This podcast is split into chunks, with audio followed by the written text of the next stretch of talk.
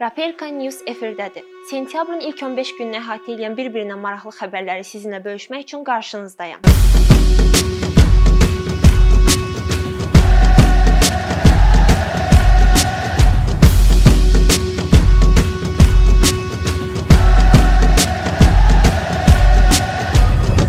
Kendrick Lamar'ın yeni proyektləri barədə son informasiyalar nədir? Big Sean yoxsa 6ix9ine albomu gündəmi zəbt etdi? A$AP Ferg doğrudanmı qrupdan qovuldu? Bu və bunun kimi xəbərlər barədə ətraflı məlumat əldə etmək üçün izləməyə davam edin.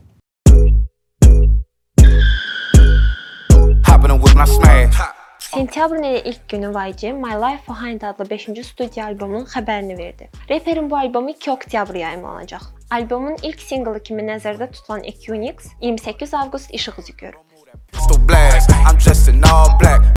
Dr. Dre ilə həyat yoldaşı Nicole Young boşanma ərəfəsindədir və Nicole təzminat üçün 2 milyon ABŞ dolları istəyib. O bu məbləği gündəlik xərclər olaraq qiymətləndirib.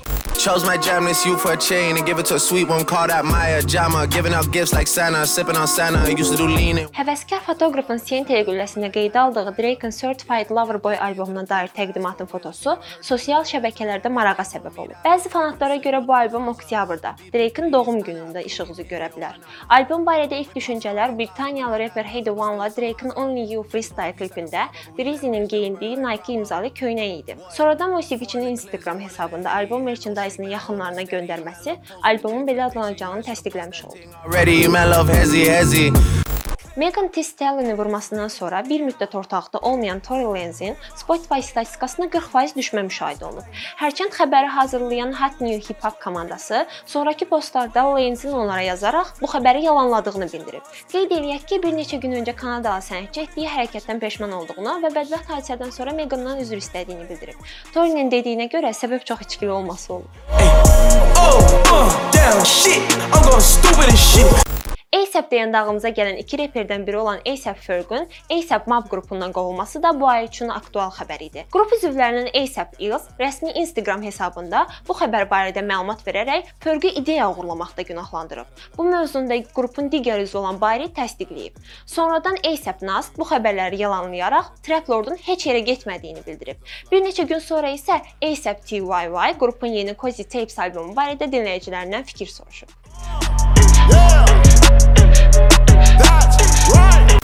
Sentyabrın ilk 15 günü üçün bəlkə də ən maraqlı xəbər Kendrick Lamar'ın yeni klip çəkilişlərində görüntülənməsi idi. Qeyd eləyək ki, Comptonlu reperin yeni albomu dinləyicilər tərəfindən böyük maraqla gözlənilir. I like riding with that 40, I live motherfucking dangerous. How you poppin' with a motherfucking sexy foolish? Rap janrının üç atasından biri olan Jay-Z, 12 ildən sonra Recession albomunun ikinci hissəsini yayımlayacağını sosial şəbəkə hesablarından dinləyicilərinə bildirib. Sentyabrın ilk cüməsində Big Sean və 6ix9ine bizlərə Detroit 2 və Tattle Tales albomlarını hədiyyə elədi. Öncə Detroit 2 ilə başlayaq. Cheat me, you cheat yourself, right?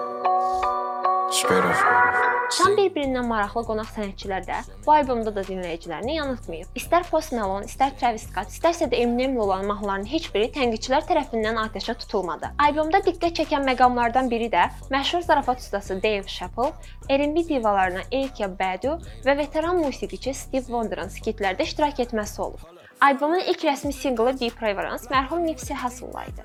Şan bu mahnıda uzun müddət aralarında soyuq müharibə olan Kendrick Lamar'a hörmət əlaməti olaraq bir neçə sətr rəsm edib.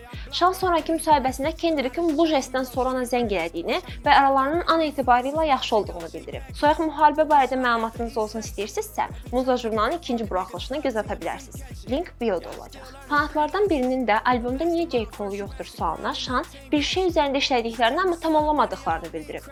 Albomun deluxe versiyasında belə bir mahnı görə bilərik. Lit. 6ix9ine-ın albomu maraqla gözlənilirdi. Ümumiyyətlə gənc reperin həbsdən qalmaqallı çıxışından sonra yayımladığı singllar albomdan gözləntiləri artırmışdı. Tattle Tales-də qışqırıq səsinə sadiq qalan reper həm də emosionallığı ilə ön plana çıxıb. Bu cür hallarda reper həbsdən çıxış tərzinə haqq qazandırmağa çalışıb. Where did these niggas be at when they say they doing all this and all that? Durk'un Drake-lə Laugh Now Cry Later fitindən sonra 6ix9ine ilə eyni gündə The Voice adlı yeni proyekti gözlənirdi. Dinləyicilər albom gözləsə də single-la qarşılaşdı. Dirk və 6ix9ine arasında bəzi problemlər olduğundan insanlar Dirk'ün yarışacağını düşünsə də, Chicago reper yeni single-da bir neçə sətr deməklə məsələni yekunlaşdırıb. Bir neçə gün sonra isə Dirk The Voice adlı yeni albomun da gələcəyini bildirdi. Bitches calling my phone like I'm locked up non-stop From the plane to the fucking helicopter, yeah Cops pulling up like I'm giving drugs, ah, nah, nah I'm a pop star, not a doctor DJ Khaled Drake olan Popstar klipi də sentyabrın ilk cümə günü üzü gördü. Klipdə Justin Bieber başroldadır. İlk kadrlarda Khaled Drake ilə klip üçün danışmaq istəyinə Kanadalı musiqiçinin reaksiyası da bomba idi. Khaled, man. Like, this guy's off his rocker. I just. I don't know what to say. It's every waking moment that I'm alive. It's like you give someone everything you have, and they're just like, another one, another one. Honey, honey, honey, honey, honey, honey, honey, honey, honey, every five seconds on my phone. Klipdən söhbət düşmüşkən, Lil Baby yeni klipində Drake ilə işləmək istədiyini bildirib. iHeart Radio musiqi mükafatlarında 2020-nin ən yaxşı hip-hop sənətçisi Drake, ilin ən yaxşı hip-hop albomu isə mərhum Juice WRLD-a qismət oldu.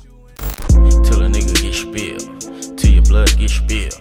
I'ma at your favorite rapper, shoot him like a John Deere. Artıq bəzilərinin gözləməkdən bezdiyi Savage Mode 2 haqqında yeni xəbər də var. 21 Savage və Metro Boomin yenə studiyada görüntülənib.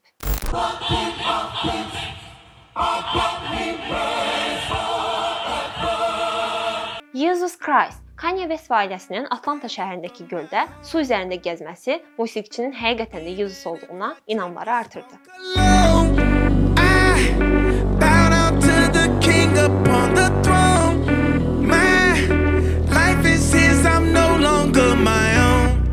Sentyabr ayının 8-i Travis Scott və McDonald's əməkdaşlığı rəsmən açıqlandı. Təsəvvür eləyin də, burger istəyirsiniz və servis edən La Flame'dir. videoda daha yaxından görə bilərik.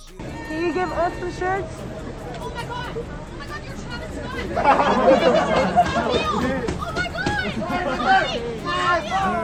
Oh my god! Thank you so much!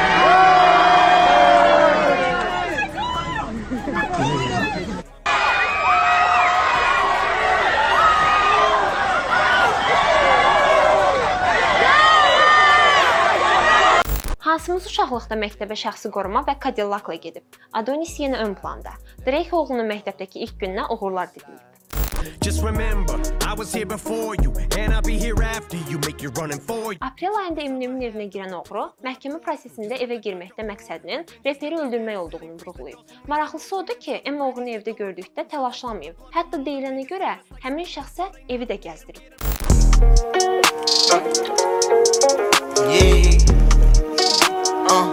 Sentyabrın ikinci cümə günündə Youngboy Never Broke Again, Conway the Machine, Lil Reese kimi reperlər yeni layihələrlə gündəmə gəlib.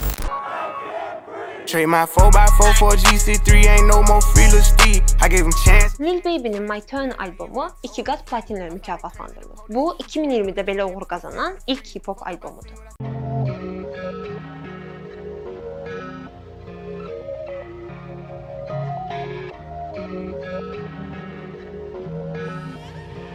Travis Scott'ın The Face üçün kamera qarşısına keçməsi Utopia albomuna inamları artırdı. Fən teoriyalarına görə reperin növbəti studiya albomu bu cür adlanır.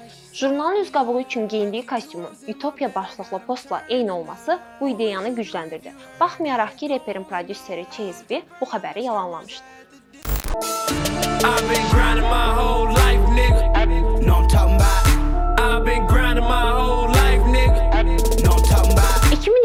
ən uğurlu prodüserlərindən hesab olunan Hitboy bildirib ki, Kendrick Lamar və Jay-Z üçün tam albüm hazırlamaq istəyir. Qeyd eləyək ki, o bu il Nas'ın King Disease, Big Sean'ın Detroit albomlarının icraçı prodüseri olub. Most of my realest niggas got life, nigga. Know I'm talking about on parole, I got a few strikes, nigga. Know I'm talking about if it's a green light.